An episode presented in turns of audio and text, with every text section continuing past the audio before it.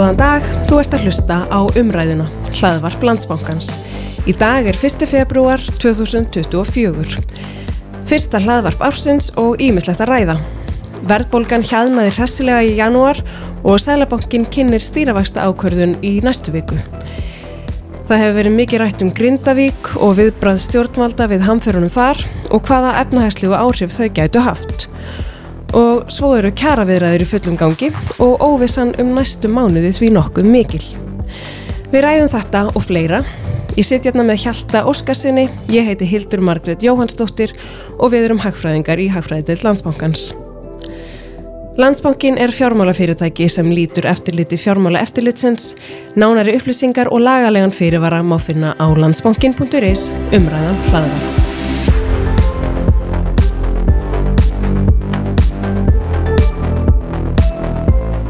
Peningastafnunemnd kemur saman í næstu viku og kynir stýrivaksta ákverðun á miðvíkudaginn. Við spáum því að nefndin haldi vöxtum óbreyttum í næstu viku. Fyrir því eru ymstar ástæður sem við ætlum að fara yfir hérna í dag og í fyrsta lagi er kannski svo að verðbólgan hjaðnaði all verulega í janúar og var 6,7%, hún hjaðnaði um heilt prósentustig, þó nokkuð meira en við gerðum ráð fyrir. Vísitalan lækkaði í janúar sem sagt verðlag var lægra í janúar en desember sem er ekki óþægt og skýrst aðilega af útsölum. Hjalti við spáðum hjöðunum en hún var meira en við hjaldum. Viltu fara yfir þessi nýjastu gögn og kannski hvernig spáin okkar til næstu mánuða hefur breyst? Já, við hérna við spáðum því að verðbólka myndi uh, mælast 7,2% í janúar og þetta var svolítið svona uh, kannski erfitt, það er ofta erfitt að, hérna, spá fyrir um hvað er að gerast í janúar því það eru bæði útsölur sem eru til lækunar uh, útsölur á fötum og, og húsgögnum og, og slíkt. Og svo eru gjaldskrárhækkanir sem að hérna, koma alltaf inn í janúar og svo jók það aðeins flækist í að, að það var að vera að breyta styrkja fyrirkomulægi við kaupa á, á hérna, rammagsbílum og, og, og svo var Hagstofana ákveða að taka inn ákveðnar gælskrarhækkanir í, í februar frekar heldur en í januar en uh, þetta var bara gaman að sjá, eða gott að sjá verðbókunar lækka svona ræsilega niður á milli mánuða uh, um heilt prosentu steg og í rauninni uh, annan mánuðin í rauð þar sem að við svona spáðum, við spáðum sko í, í desember spáðum við lítillega hækkun en þá lækkaði hann um, um 0,3% steg úr 8 í 7,7 og svo núna úr, úr 7,7 nýri í 6,7 og, og eins og þú varst að nefna að þá, þá lækkaði vísitalana mellir mánuða í janúar og það er líka uh, svona ákveðin vísbyttingum minni uh, verðbólku þrýsting fyrir faraldur og þá sáum við gætnan í janúar og í júli uh, vísiturinn að lækka millir mánuða og þetta er svona eitthvað sem að kvarfsvöldið í, í þessu verðbúkuskoti núna síðustu ár eftir hérna uh, eftir faraldurinn. Þannig að þetta var svona já, á, svona gott að sjá. Um, það var svona það sem að koma okkur helst á óvart í þessari spá var, voru sko hvernig flugfargjöldin þau lækkuðu miklu meira. Í rauninni þau lækkuðu og lækkuðu alveg, alveg þokkalega mikið. Við höfum gert ráð fyrir, fyrir hækkun af því að það gerðist það sama í desember þar sem að e, flugfargjöldin hækkuðu um 5% en, en við og, og aðri greinendur höfðu spáð sko kringum 20% hækkun. Og, og svo var það með hérna ramagsbílana og hvaða áhrif uh, þessar breytingar á styrkjunum höfðu á, á verðlæð við, við ofmátum það eins og hérna uh, eins og við fjöldum um í, í haksjóni uh, og sem, er, sem er bara gott í, í báðum tilvillum og, og voru við að hérna voru við að gera ráð fyrir því að verðbókan er meiri en hún síðan, síðan kom í mælingunum þannig að þetta verður rauninu bara hérna e, mörguleiti svona, margt, það er margt jákvægt í, í þessari mælingu sem að e, við sáum. Mm -hmm. Einmitt, þegar peningastöðunemt kom síðast saman þá voru þau alls sammálu um að halda vöxtum óbreyttum og og það var aðalega vegna þeirrar miklu óvissu sem ríkti um jarðhræringar á Reykjaneskaga um, út úr yfirlýsingunni þeirra, þeirra mátti lesa að ef ekki hefði verið fyrir þessa óvissu þá hefðu þau alveg eins geta hugsað sér að hækka vexti. Um, samt teljum við að nú séum mjög litla líkur á að þau fari að hækka vexti í næstu viku aðalega vegna þess að verðbólgan hefur hjaðnaðans meira en gert var ráð fyrir. Og það verður sannlega bara svona aðeins léttari á þeim brúnin. Um, þessi hjöðnun hefur þetta mjög jákvæð áhrif á vendingar um verðbólgu og það sést strax á uh, verðbólgu álægi á skuldabriðamarkaði það minkaði strax þess að verðbólgu tölu komu. Um, og raunstýrivextir eru núna orðinir frekar vel jákvæðir á alla mælikvæða hvort sem sko raunstýrivextir eru metnir út frá verðbólgu síðustu tól mánuða eða út frá verðbólgu vendingum þá eru þeir hærri en þeir hafa verið síðustu ár og, og það er góða fréttir fyrir Sælabankan um við heldum samt að það sé ekki til til að fara að lækka vexti.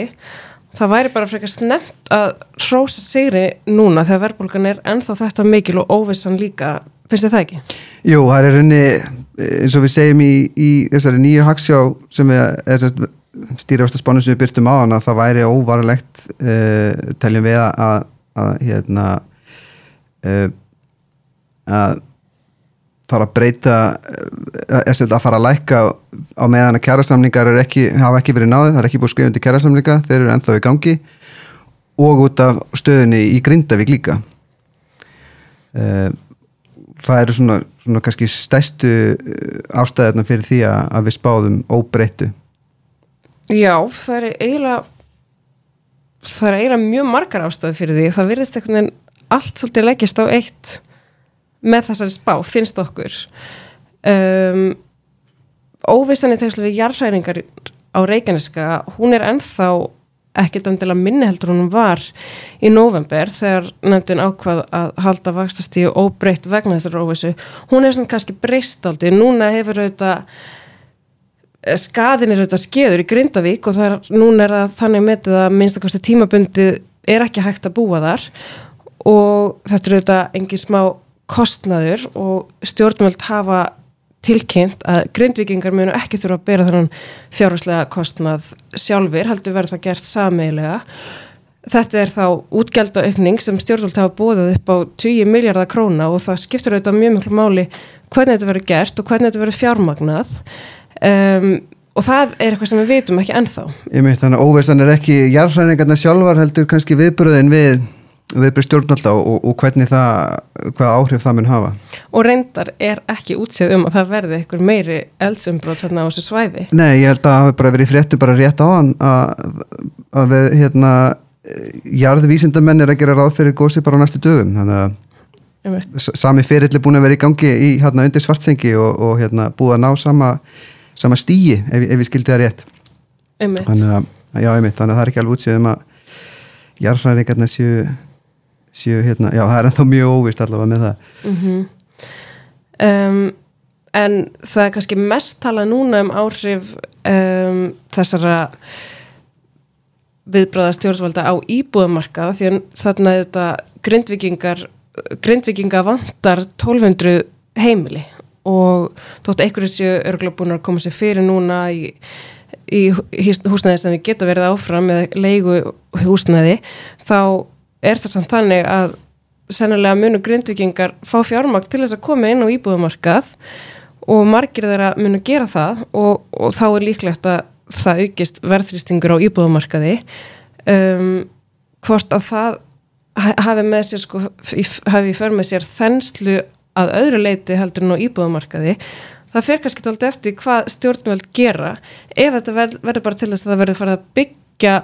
aukið að sko að vera ráðist í aukna íbúðu uppbyggingu mm. þá eru þetta hægt á að það valdi þenslu bara aukinni spennu á vinnumarkaði þá vantar aftur fleira erlend vinnuafl og það eigur aftur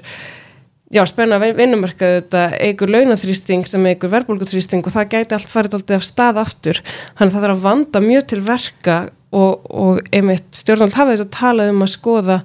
aðra lausnir um, til að hjálpa frambóðinu eins og að skoða hérna hversu stór hluti af íbúðum eru í skamtíma útlegu og það er örgulega ekkit vittlust að hérna, skoða mjög vel hvaða frambáðs aðgerðir er hægt að fara í aðrar en að byggja. Já, einmitt, þetta með skamtíma leguna, fyrst þegar ég heyrði þá hugmynd og þá svona, ég, ég gerði mér eh, svona ekki alveg grein fyrir því hversu uh, svona hversu mikið umfang uh, hversu mikið umfang svona skamtíma útlegu er og, og það hefur í rauninni kannski ekki mikið komið fram um hversu mikið af íbúðum er uh, í skamtíma legu, það var í einhverju grein frá hagfræðingi HMS mm -hmm. sem talaði um 2000 til 2500 íbúður og með við það geti svona aðgerð haft tölvist mikil áhrif mm. uh, svona já, fyrir, já, uh, gæti haft allavega þannig áhrif að hérna, það sæjist einmitt um,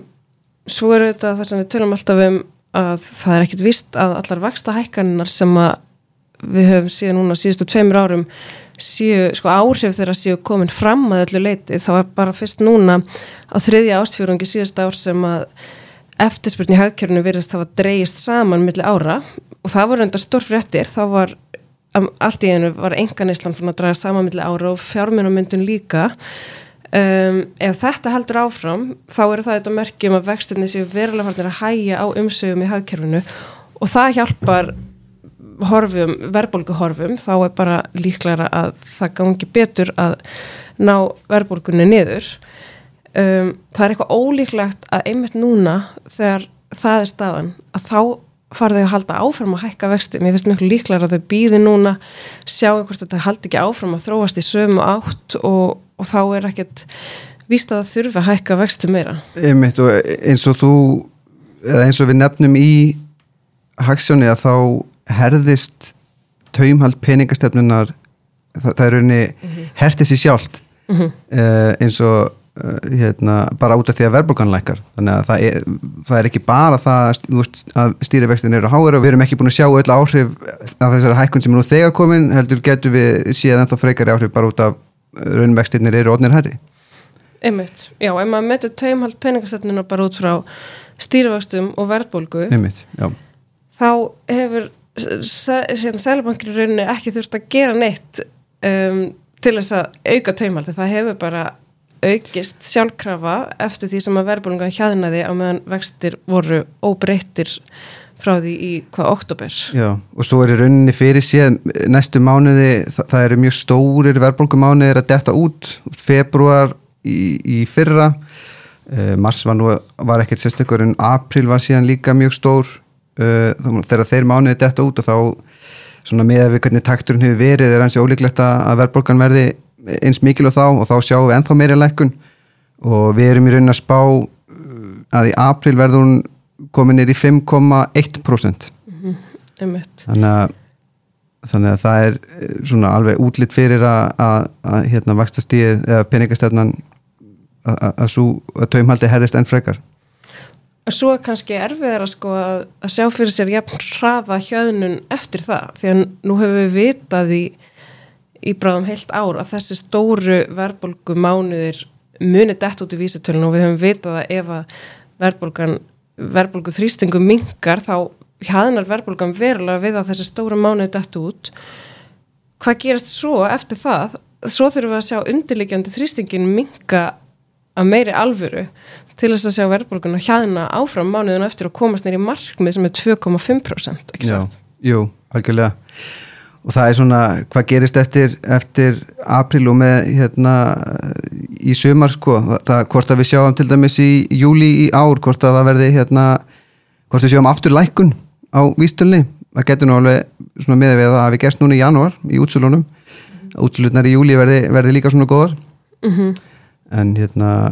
en það, það gæti orðið málið að hún verði svona þrjóskari að fara niður þegar hann er búin að þegar þessi stóru mánuður e, í fyrra detta út Einmitt. Annað sem hefur hjálpað til er gengistyrking. Þegar peningastöndan kom saman í óttúber og november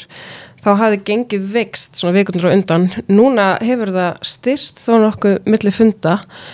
og sterkara sterkari króna hjálpar til við hjöðnun verðbólgunar því þá er bara innfluttar vörur ódýrari í krónum og þá erum við að flytja inn minni verðbólgu Já, akkurat, við sáum þetta líka bara í verðbólkutörunum núna að, innfluttar vörur án bensíns og rauninni með bensíni voru að lekka millir mána sem er bara, eh, sem er bara gott og, og hjálpar, hjálpar klæðilega til við að við þá á, teljum við ákvarðunum um að hérna, halda þeim óbreyttum vöxtunum. Já, sem sagt, við teljum að peningastættunum haldi vöxtum óbreyttum í næstu viku Um, margt bendur til þess að vextir séu farnir að bera skýran árangur í því að hæja á umsöfum í hagkerfinu og ná nýður verðbólgunni. Um, þó teljum við að nefndinu þetta er óvarlegt að lækka vexti núna ofan í kjara samningsviðræður og líka bara vegna þess að verðbólgan er ennþá langt yfir markmiði og þau vilja öruglega passa sig að hérna, halda vendingunum í, í skefjum og, og passa sig að, að missa ekki trúverðuleika og, og þá fyrst okkur líka ólíklegt að, að Sælabankin sé að fara að hækka vexti að því að hérna, verðbókan hefur lækkað og, og svona undirleikandi verðbóku þrýstingu verist vera orðin tölvöld minni. Og með að við vendingar á, á mörgum þá hafa svona verðbóku vendingar til, til lengar tíma líka minkað Já og sennilega eiga áhrif vakstahækana eftir að koma fram að einhverju leiti þannig að það er alveg jafn líkilegt að þau vilja bara aðeins staldra áfram við og, og sjá hvað gerist á næstu mánuðum. right. Við spáðum því í oktoberspánu okkar að vextir fara að lækka uh, á öðrum ástfjörðungi þess árs. Það er bara einu vakstahákunum þá, hún er 8. mæ. Um, ég held að það sé spá sem að við getum í rauninni alveg haldið okkur við núna þótt að, að það geti breyst á næstu vikum en, en ég held að okkur þykir það nú ekkert endilega ósannilegt um, Eitt sem ættum kannski að ræða líka það hefur verið mikið í umræðinu núna um, hugmyndur um að breyta útreikningi á húsnæðislið, vísa til nesluvers og það hefur hægstofað mér að gefa út núna að þau séu að gera. Hjaltið, þú veist langt mest um þetta. Vilt þú aðeins bara útskýra þetta í, í styrstu máli? Já, þetta kom uh, í fréttinni núna það var þetta margt sem kom í fréttinni núna uh, svona, svona auka fréttir með vísitölu byrtingunni það var, það eru og þá kannski aðanlega þetta með nýja aðferði að reikna húsnæðiskostnæðin eða, eða svona nýja leiðlist að reikna húsnæðisliðin og þau segja að fossendur hafi skapast til þess að nota svo kallar leigu ígildi frekar heldur en aðferðina sem er, sem er nú notuð við kallum reiknuð húsalega. Og, og þessar breyttu aðstæður eða breyttu fossendur eru, eru líklega ný gagnasöfnun frá HMS sem að þau uh, geta gert í krafti nýra laga sem tóku gildi í byrjun ás 2003 þannig að núna er orðin skilda að skrá leigursamlinga allavega frá hagnaðatripnum leigufélögum og einstaklingum sem eru með allavega fleiri en eina íbúði í útlegu og það þýðir að, að e, svona gat sem hefur verið í leigugögnum e, er núna e, þessi gögn fylla upp í það. Það hefur alltaf vantað gögn um svona markaðsleigu af svona að miklu leiti að það hafa alltaf verið upplýsingar um sko leigu samninga gegnum þinglýsingaskrá til þess að fá uh, hús, húsalegu bætur og slíkt þá, þá hefur uh, þurft að þinglýsa samningum en ef einstaklingar sjá ekki fram á að fá húsalegu bætur þá hefur ekki verið neitt þörf á því að skrá að þinglýsa leigusamningum mm. og þess vegna hefur vantað svona betri gögn um leigusamningin svo hagstofan gæti nota þessa húsalegu ígildis aðferð og munurinn er að ég núna í staðin fyrir að, að reikna þessa húsalegu óbeint með reiknið húsalegunni sem hefur verið gert í gegnum íbúðaverð og, og, og vexti að þá vorum bara mæld beint í gegnum með uh, leigursamningum sem, sem er þá uh, þá, þá er mælingin bara tekinn beint úr leigursamningum og, og hérna og þá skiptir máli að það séu bara leigursamninga með, með markaslegu Það gefur þá betri mynd af leikumarkaðnum uh, Já og já, já fyrir utan það að, að hérna þá eru við með betri mynd af leikumarkaðnum og, og hvaða áhrif þetta hefur síðan á uh, útrúninga er, er svona kannski frekar erfitt að segja að því að uh, ég hef séð svona tilhörnir gerða til þess að, til þess að sjá hvernig uh, vísitalan hefði verið ef að greitt húsalega hefði verið notuð í staðin fyrir reiknið húsaleguna en þá aftur vantar inn þessar samningar sem eru núna orðin fórsenda uh, sem eru komni núna sem þessi fórsenda fyrir, fyrir þessari nýja aðferð. En ég held að, að það sé allavega eftir að segja